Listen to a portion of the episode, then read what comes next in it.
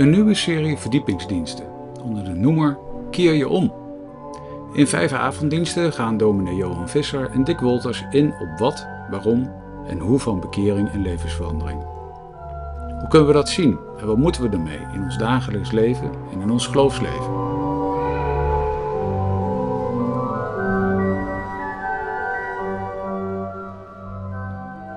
Dit is de vijfde en laatste in de serie van vijf. Thema is En nu? Over waar we ons vandaag van moeten bekeren. Voorganger is dominee Johan Visser, opgenomen op 24 september 2023 in de Noorderkerk te Amsterdam.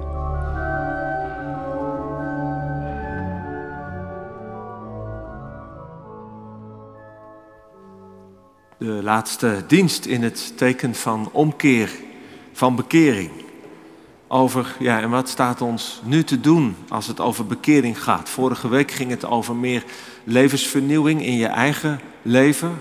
Hoe werkt dat? Met kleine stapjes vanuit het zien, het leren zien van Christus, die, waar de geest zijn leven in jouw leven laat groeien. En nu wat groter. En, want we zijn niet alleen individuen, we zijn ook verbonden met wat er in de wereld speelt, met onze samenleving. En dan gaat het ook over de aarde. Verbonden met wat we vandaag noemen de klimaatcrisis. We lezen twee gedeelten die daarover gaan en die, uh, die ik verder in de, in de verkondiging wat zou willen uitdiepen. eerste is uit het eerste Bijbelboek Genesis, het slot van het verhaal van Noach en de zondvloed. Hoofdstuk 9 vanaf vers 8 tot 17. Dus de aarde is vernietigd. Maar Noach en de dieren in de ark, die zijn, krijgen een nieuwe kans. En als dan de dieren op aarde zijn en Noach uh, zijn offer heeft gebracht, dan uh, sluit God een verbond. En dat lezen we vanaf vers 8, hoofdstuk 9. En God zei tegen Noach en zijn zonen met hem: En zie, ik maak mijn verbond met u, met uw nageslacht na u en met alle levende wezens die bij u zijn. De vogels, het vee en alle dieren van de aarde met u, van alles wat uit de ark is gegaan, tot alle dieren van de aarde toe. En ik maak mijn verbond met u dat niet meer alle vlees door het water van een vloed zal worden uitgeroeid. En dat er geen vloed meer zal zijn om de aarde te gronden te richten. En God zei, dit is het teken van het verbond dat ik geef tussen mij en u en alle levende wezens die bij u zijn, alle generaties door tot een eeuwigheid. Mijn boog heb ik in de wolken gegeven. En die zal dienen als teken van het verbond tussen mij en de aarde. En het zal gebeuren als ik wolken boven de aarde breng en de boog in de wolken gezien wordt, dat ik aan mijn verbond zal denken. Dat er is tussen mij en u en alle levende wezens van alle vlees. Het water zal niet meer tot een vloed worden om alle vlees te gronden te richten. Als deze boog in de wolken is, zal ik hem zien en denken aan het eeuwig verbond tussen God en alle levende wezens van alle vlees dat op de aarde is. En God zei dus tegen Noach, dit is het teken van het verbond dat ik gemaakt heb tussen mij en alle vlees dat op de aarde is. Tot zover deze lezing en dan gaan we van de wet naar de profeten en we lezen uit het boek van de profeet Micha, het zesde hoofdstuk, vers 1 tot en met 8. Daar klinken wat verschillende stemmen in. Dat zal ik ook even aangeven. Dat helpt bij het, uh, bij het luisteren, denk ik. Micha 6, vers 1. Luister toch naar wat de Heer zegt. Sta op. Roep de bergen ter verantwoording. Laat de heuvels uw stem horen. Luister bergen naar de rechtszaak van de Heer. En ook u, vaste fundamenten van de aarde. De Heer heeft immers een rechtszaak met zijn volk. Hij voert een rechtszaak tegen Israël. Mijn volk, wat heb ik u aangedaan? Waarmee heb ik u vermoeid? Getuig tegen mij. Ik heb u immers uit het land Egypte geleid, u verlost uit het slavenhuis. Ik heb Mozes, Aaron en Mirjam voor u uitgezonden. Mijn volk, denk toch aan wat Balak, de koning van Moab, beraamde. En wat Biliam, de zoon van Beor, hem beantwoordde. Aan wat er gebeurd is van Sittim tot Gilgal, opdat u de gerechtigheid van de Heer kent. En dan volgt de reactie van, van het volk. Waarmee zal ik de Heer tegemoet gaan en mij buigen voor de hoge God? Zal ik hem tegemoet gaan met brandoffers, met eenjarige kalveren? Zou de Heer behagen scheppen in duizenden rammen, in tienduizenden oliebeken? Zal ik mijn eerstgeborene geven voor mijn overtreding, de vrucht van mijn schoot voor de zonde van mijn ziel? En dan klinkt als laatste het woord van de profeet als antwoord op dit wat het volk vraagt. Hij heeft u mens bekendgemaakt wat goed is en wat de Heer van u vraagt. Niets anders dan recht te doen, goede tierenheid lief te hebben en ootmoedig te wandelen met uw God. Zalig ben je als je het woord van God hoort en het bewaart.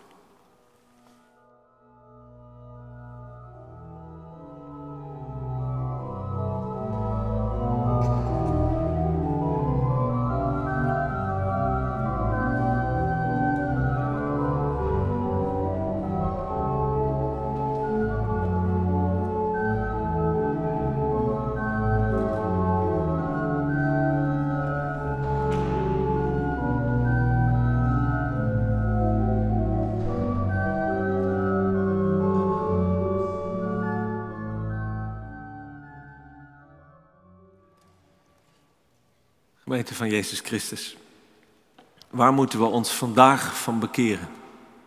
En dan samen, als samenleving in de wereld. Want God is niet alleen betrokken op individuele mensen. Gaat God niet alleen om je hart en je eigen persoonlijke leventje. God is de schepper van hemel en aarde. Jezus is Heer en niet alleen maar Heer van ons hart, maar Heer van de wereld. En in Hem heeft God alles in de hemel en op de aarde met zich verzoend, zegt de Colossensebrief. Wat wil zeggen dat God betrokken is op alles en aan het werk in alles wat er gebeurt. Ook in onze tijden. En als we met bekering bezig zijn, komen we dus ook in aanraking met God die midden in de wereld midden in het leven, midden in de tijd spreekt en oordeelt. En dat is spannend en ingewikkeld ook en misschien wel te groot. Want wat heeft God ons daarin te zeggen? Waar is Hij in de ontwikkelingen van onze tijd? En wat doet Hij in het wereldgebeuren? En hoe klinkt daarin Gods woord? En dan niet alleen op een hele grote manier, maar ook zo dat het onze levens raakt en dat wij weten wat we kunnen hopen en geloven en wat we te doen hebben.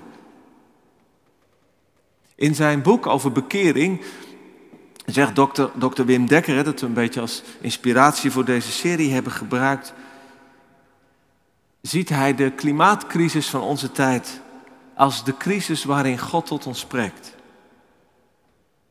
En ik volg hem daarin omdat ik denk dat in de klimaatcrisis heel veel samenkomt wat er speelt in onze wereld. En ook omdat vanuit gelovig opzicht de klimaatcrisis niet in de eerste plaats een politiek probleem is of met, met, met de economie te maken heeft, maar dat het een de grote culturele en geestelijke crisis van onze tijd blootlegt. Rowan Williams, de voormalige aartsbisschop van Canterbury, die, die zegt dat zo en die noemt die crisis een verlies van het besef van wat het leven en wat mens zijn is. De klimaatcrisis legt iets bloot van een veel diepere crisis in, het, in de westerse cultuur, namelijk dat we iets verloren zijn, dat we aanvoelen, weten wat echt leven is, wat mens zijn is. En die Williams, die haalt dan, als hij daarover schrijft, haalt hij het verhaal van de zonvloed aan. En daar kom ik straks aan het einde op terug. Dat met dat, dat verbond dat God sluit met, met alles wat leeft. Maar ik wil nog even iets anders van de zonvloed daarbij noemen. Want zo kennen we het natuurlijk ook. Het, het is een verhaal van oordeel en crisis. Van de aarde die vergaat als het gevolg van het menselijke kwaad wat overvloedig was geworden. En ik denk als er één Bijbelverhaal is wat ergens raakt aan de dreiging van het klimaat, is dat wel het gebeuren van de zondvloed. Dreigt er niet weer een nieuwe zondvloed met de opwarming van de aarde met de stijging van de zeespiegel, met het extreme weer. En ik denk dat wij over het algemeen de neiging hebben om dat niet serieus te nemen. En dat heeft niet alleen te maken met of mensen wetenschappelijke modellen geloven. Dat heeft denk ik ook met andere dingen te maken die daaronder zitten. Want je kunt natuurlijk op een gelovige manier dat niet serieus nemen. Je kunt zeggen, nee maar wacht even, die regenboog, we hebben het net gelezen. God heeft beloofd dat er nooit meer zo'n vernietiging zal komen. De God van de regenboog gaat ons redden. Of ik hoor het ook nog wel eens op een andere manier gelovig. Zeggen mensen, ja maar wacht even, er komt toch een einde aan deze wereld. Lees het boek Openbaringen maar. Maak je er niet druk om. Komt toch, het zal erg zijn, maar goed, zo is het nu eenmaal. Of je kunt je er niet druk op maken op de manier van na ons de zonvloed. En ik moet dan altijd denken aan de uitspraak van onze premier, zolang die dat nog is. Maar we moeten nog wel een beetje lekker kunnen leven. Dat is een uitspraak die hij deed toen het ging over veranderingen met betrekking tot het klimaat. Maar we moeten nog wel een beetje lekker kunnen leven. Ik denk dat dit nu echt een verbindende uitspraak is, die heel veel Nederlanders met elkaar verbindt. En bij de meeste van de Nederlanders op bijval kan rekenen. Ja, we moeten wel kunnen eten en drinken en vrolijk zijn. Dat eerst. En dan doen we natuurlijk ons best. Of ja, we zullen wel zien. Of we geloven er niet meer in. We denken het is toch te groot. En er zijn zulke krachten en ik kan me wel inzetten, maar wat maakt het allemaal uit? Na ons de zondvloed. Ja, of je kunt het niet serieus nemen op de manier van wij gaan dit wel even oplossen. De wetenschap en de technologie die vinden ook een oplossing voor CO2. Die zijn eigenlijk al bezig om de ark te bouwen. Dan zou je het kunnen lezen als Elon Musk vond genade in Gods ogen. En hij en zijn superslimme en zijn megarijke vrienden, die zullen ons redden. Op aarde of misschien, als dat niet lukt, in het heelal. En de laatste manier waarop je het niet serieus kan nemen, dat is de manier van, hé hey, kom op, je moet je niet bang laten maken. Dat is de paniek van die Greta Thunberg. Of het is een complot. Laat je niet manipuleren. En kom in opstand desnoods met je barbecuevork als het wapen van je revolutie tegen de gekkies. Nu, al deze reacties hebben één ding gemeen. Hoe verschillend ze ook zijn. Ze willen geen bekering. En dat is begrijpelijk, denk ik. Althans, dat snappen we in de kerk heel goed. Want wie wil nu, als je echt eerlijk bent, gestoord worden in je lekkere leventje? En wie kan gemakkelijk loskomen van, van onze manier van leven, die ontzettend verslavend is, die levensstijl van onze cultuur? Op allerlei manieren word je daarin getrokken. Niemand volgens mij. Maar dat is nu juist wat er gebeurt. Als je in de buurt van God komt, dan word je gestoord. Want dan is er de oproep, je zult je bekeren. En er is er ook de belofte. Dat de Heilige Geest je wil bekeren, je hart open wil maken en zacht wil maken, zodat je geraakt en vernieuwd kan worden. En dat gebeurt in Micha 6. En daar hoor ik wel iets in van een profetisch woord voor onze tijd. De, het begint met een aanklacht van God tegen zijn volk. En God roept de bergen en de heuvels erbij, die zijn getuigen. En de aanklacht is, waarmee heb ik jullie vermoeid? Wat heb ik nu precies misdaan dat ik dit verdien, dat zit erachter. dat ik dit verdien, dat jullie mij zat zijn, dat jullie mijn verbond aan jullie laars lappen. Wat heb ik gedaan? Nou, en dan brengt God zijn grote daden van bevrijding uh, in herinnering. Dit heb ik voor jullie gedaan. Zijn jullie dat vergeten? Verdien ik dit, hoe het nu gaat? Nou, zo hoor ik vandaag God ook wel een beetje spreken. En dat is wel mooi. Hij roept de, bergen en de aarde en de oceanen en de dieren en de bomen tot getuigen. Luister, mijn schepping. Ik heb een aanklacht tegen de mens. Mijn beeld en gelijkenis. Ik gaf jullie een plek midden in mijn goede schepping. Om daar te leven en te heersen. Op de manier waarop ik heers. Om de goede schepping tot bloei te brengen. En te bewaren en te dienen. Zodat er leven zal zijn. Niet alleen voor de mens, maar voor alles wat op aarde leeft. En was dat te veel gevraagd? Dat ik jullie die centrale plek heb gegeven? En jullie in het Westen, jullie die eeuwenlang de naam van Jezus kenden. En Jezus die jullie geleerd heeft om naar de vogels en de bloemen te kijken. En te geloven in mijn eeuwige rijk. In plaats van bezorgd bezig te zijn met eten en drinken en kleding. En, en, en, en altijd maar meer. En heb ik jullie daarmee gekweld misschien met dat jullie het evangelie kenden? En willen jullie God spelen? Eigenaar van de schepping, die zonder respect alles pakt en raaft en onderwerpt, zodat mijn schepping jullie wingewest is geworden of laboratorium of pretpark.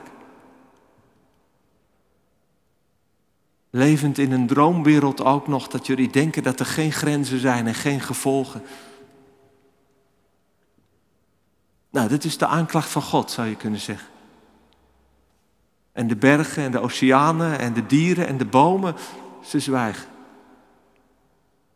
Benieuwd wat wij mensen zullen antwoorden. Nou, bemoei je met jezelf, God. Maak u niet zo druk, zeg. Valt wel allemaal mee, zeg. Of, dat is niet mijn schuld. U moet eh, bij de boeren zijn. Of u moet bij de veelvliegers zijn. Of u moet bij de christelijke, de christelijke traditie zijn, die de, die de mens veel te lang in het middelpunt heeft gehouden. Bij de grote bedrijven, bij de graaiers, bij de toeristen. U moet in China zijn, daar, pas, daar maken ze er pas een soortje van. U moet bij de Joden zijn.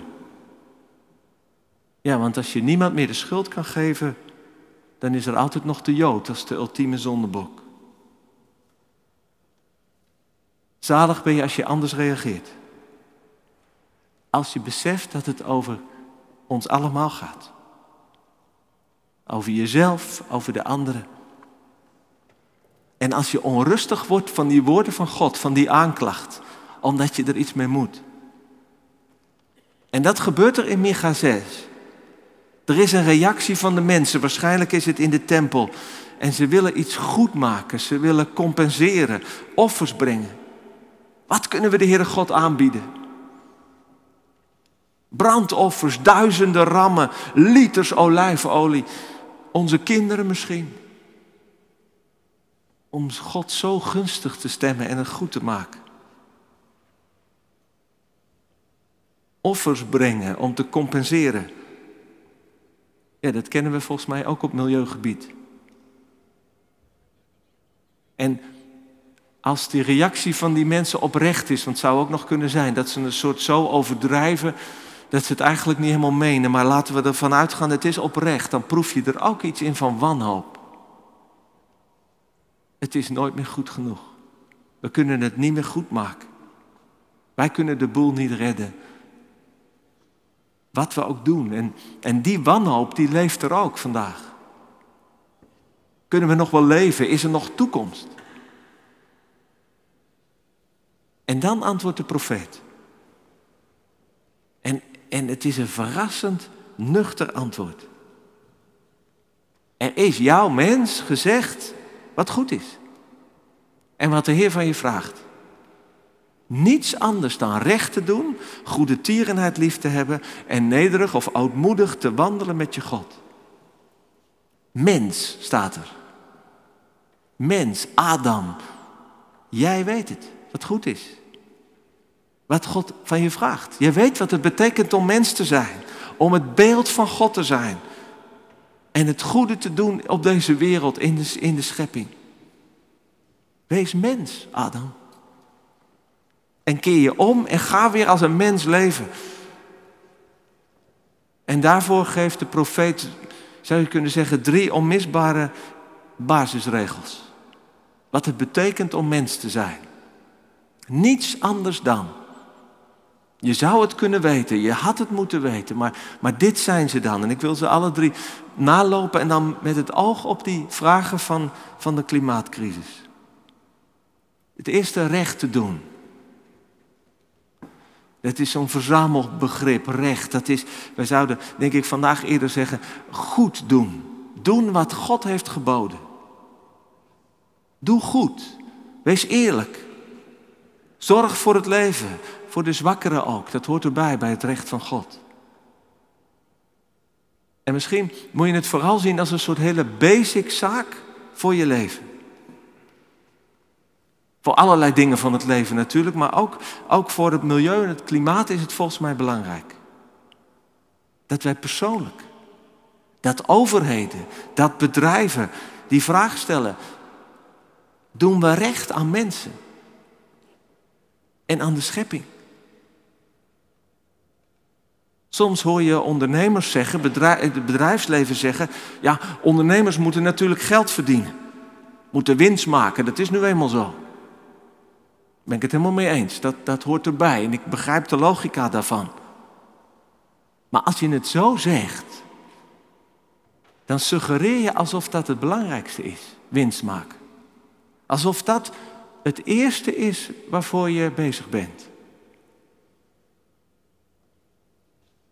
Als mens is het eerste. Je zou kunnen zeggen dat is de basismoraal van het mensenleven. En dat geldt ook voor als je, als je ondernemer bent of een bedrijf bent of, of waar dan ook. Dat je recht doet.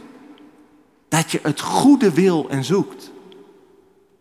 Want anders dan is geld en winst maken is blijkbaar hoger dan wat dan ook. En dat geldt denk ik ook voor, voor, die, voor die gedachte, ik moet wel een beetje lekker leven hoor. Wie zegt dat eigenlijk dat jij dat moet? Van wie moet je dat eigenlijk, lekker leven? Volgens mij niet van God. Sorry. God wil dat je recht doet. En onze samenleving, daar ben ik diep van overtuigd, wordt echt niet beter van mensen die alleen maar een beetje lekker willen leven.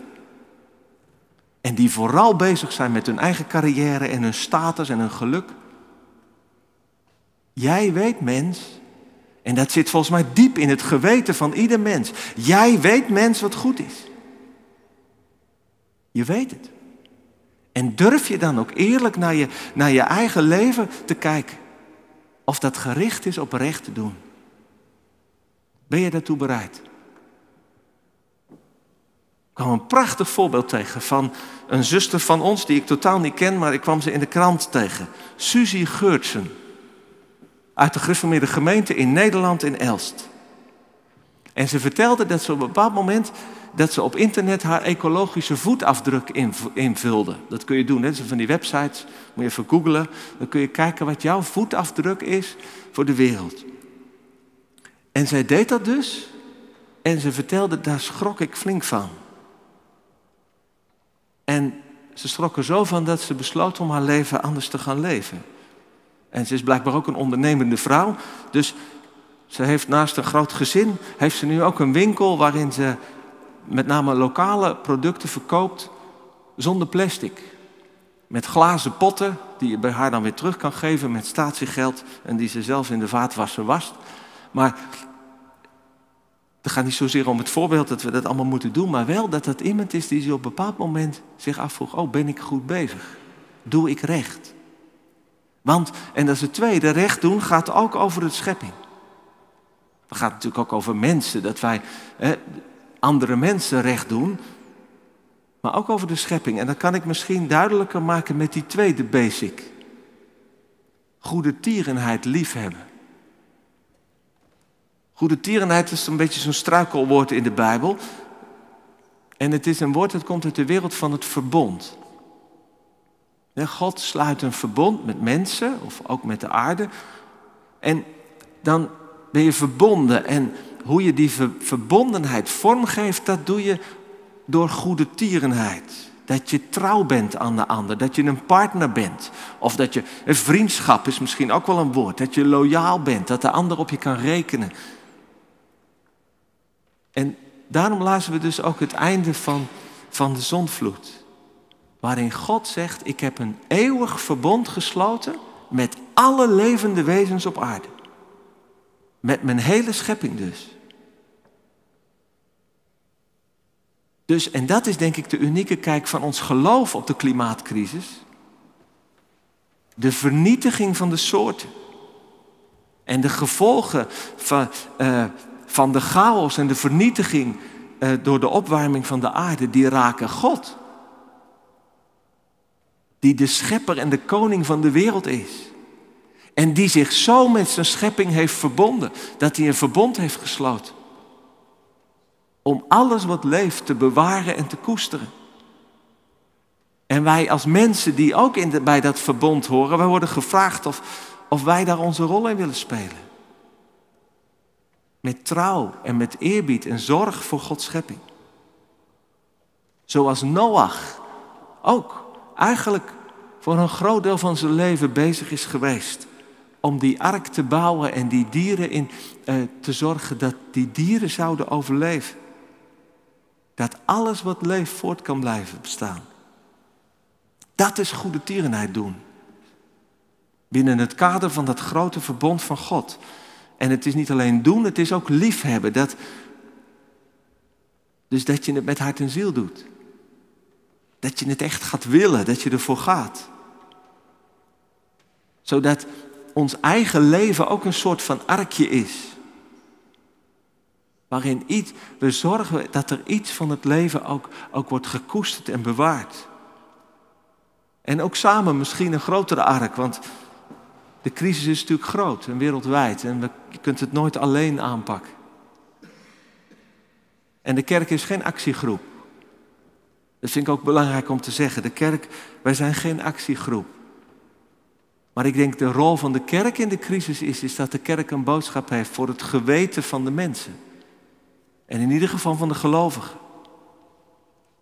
Dus dat je wordt aangesproken, dat jij, u, ik, dat wij op de plek waar we, waar we leven en werken en verantwoordelijkheid hebben, dat we daar de goede tierenheid lief hebben. En het verbond van God met alles wat leeft in het oog houden. En dat kan ook bij Shell, denk ik.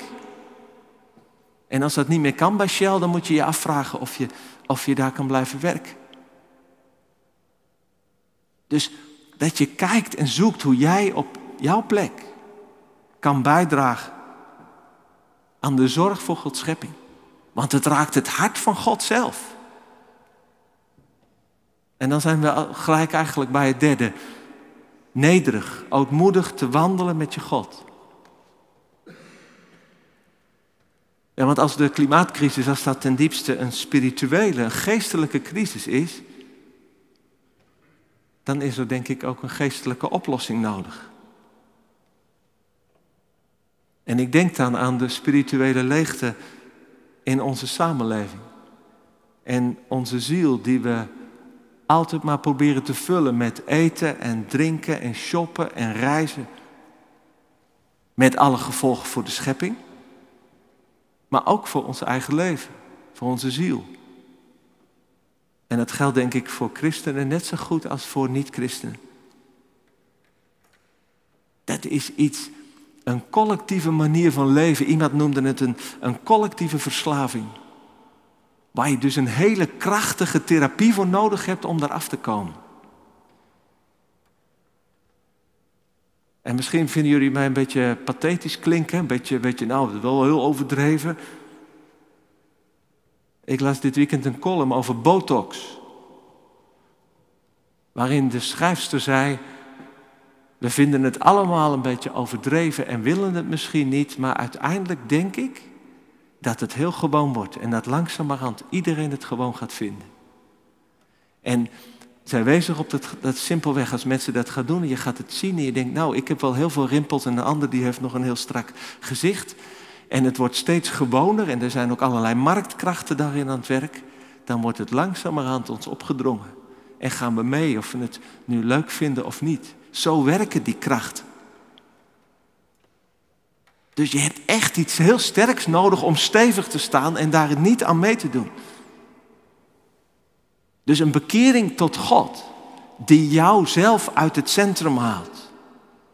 En die je leegte vult met iets anders dan spullen en je lichaam zo lang mogelijk mooi te zien te houden.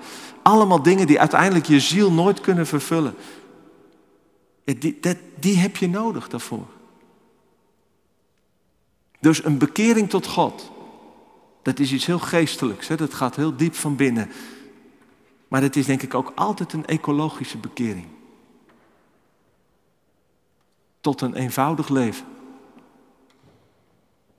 Dat je kunt leven van genoeg. Dat je kunt leven met aandacht en zorg voor, voor de natuur, maar ook voor de dingen die je mag aanschaffen. Dat je daar zuinig op bent. Voor je naaste. En dat je kunt delen en geven van genoeg. Dat je ook kan genieten van genoeg en, en soms ook van overvloed. Zonder dat je daaraan vastzit en zonder dat je meer wil. En dat je beseft dat je een pelgrim bent. Op weg naar de toekomst van God. Dat je niet, niet alles uit dit leven moet gaan zitten peuren. Dat hoor ik in het woordje nederig te wandelen met God. En dat vond ik ook mooi van die Suzy Geurts. En ik haal haar nog een keertje aan. Toen haar gevraagd werd, waarom ben je dit gaan doen? En ze zei, ik denk dat het onze plicht is tegenover de Heer om de aarde te bewaren voor de volgende generaties. En ik probeer daarom eenvoudig te leven en dat voor te leven. Het is niet zo dat ik denk dat ik de aarde ga redden of verbeteren, maar ik probeer wel een kleine bijdrage te leveren. Ja, dat is een voorbeeld van, van ootmoed en nederigheid. Laten we dat allemaal doen. Eenvoudig en nederig de weg van God te gaan. Dat verlost ons ook van het idee dat wij de schepping moeten gaan redden. En het verlost ons hopelijk ook van de wanhoop dat het al vijf over twaalf is. En dat het toch geen zin meer heeft. En dat we dus dan maar een beetje lekker leven en na ons de zondvloed. We doen dit uit liefde voor God en voor zijn schepping. Omdat we op de een of andere manier uit onszelf zijn gehaald. Met onze ogen gericht zijn op de schepper van hemel en aarde. En, en daarom sowieso oog krijgen voor de schepping. En weten dat we ons moeten bekeren van rijkdom en consumeren. Omdat die, die onze ziel nooit kunnen vervullen. Maar alleen maar vreselijk gevaarlijk zijn. En laten we dat doen met hoop. Hoop. Want ook vandaag verschijnt op deze aarde zo nu en dan de regenboog. Waarschijnlijk veel vaker, dan, ja zeker te weten, veel vaker dan wij hem zien. Overal op aarde verschijnt hij weer. Als teken van God. Dat hij trouw blijft aan alles wat leeft. Ondanks het kwaad. En ondanks de hardnekkigheid van de mens en van het volk van God. Hij blijft trouw, ook al is het crisis. En weten we niet wat de crisis zal brengen. En zelfs als we tot de conclusie komen dat dit de oordelen van God zijn die over de wereld gaan, ook dan geloven we dat Hij trouw blijft aan zijn verbond. Laten we zo nederig onze weg gaan met God. Als pelgrims. Mensen onderweg. Onderweg naar de toekomst de nieuwe hemel en de nieuwe aarde. Ons gemeenschappelijke thuis van God, waar de bomen zullen juichen, waar de vogels zullen zingen, de zeeën zullen bruisen en bulderen, de bergen zullen dansen, het gras en de bloemen zachtjes zullen wuiven in de wind, de tijgers en de dolfijnen uitgelaten zullen springen en wij mensen eindelijk zullen stralen als het beeld van de schepper, badend in het licht dat van het gezicht van God straalt en wetend dat het goed is. Amen.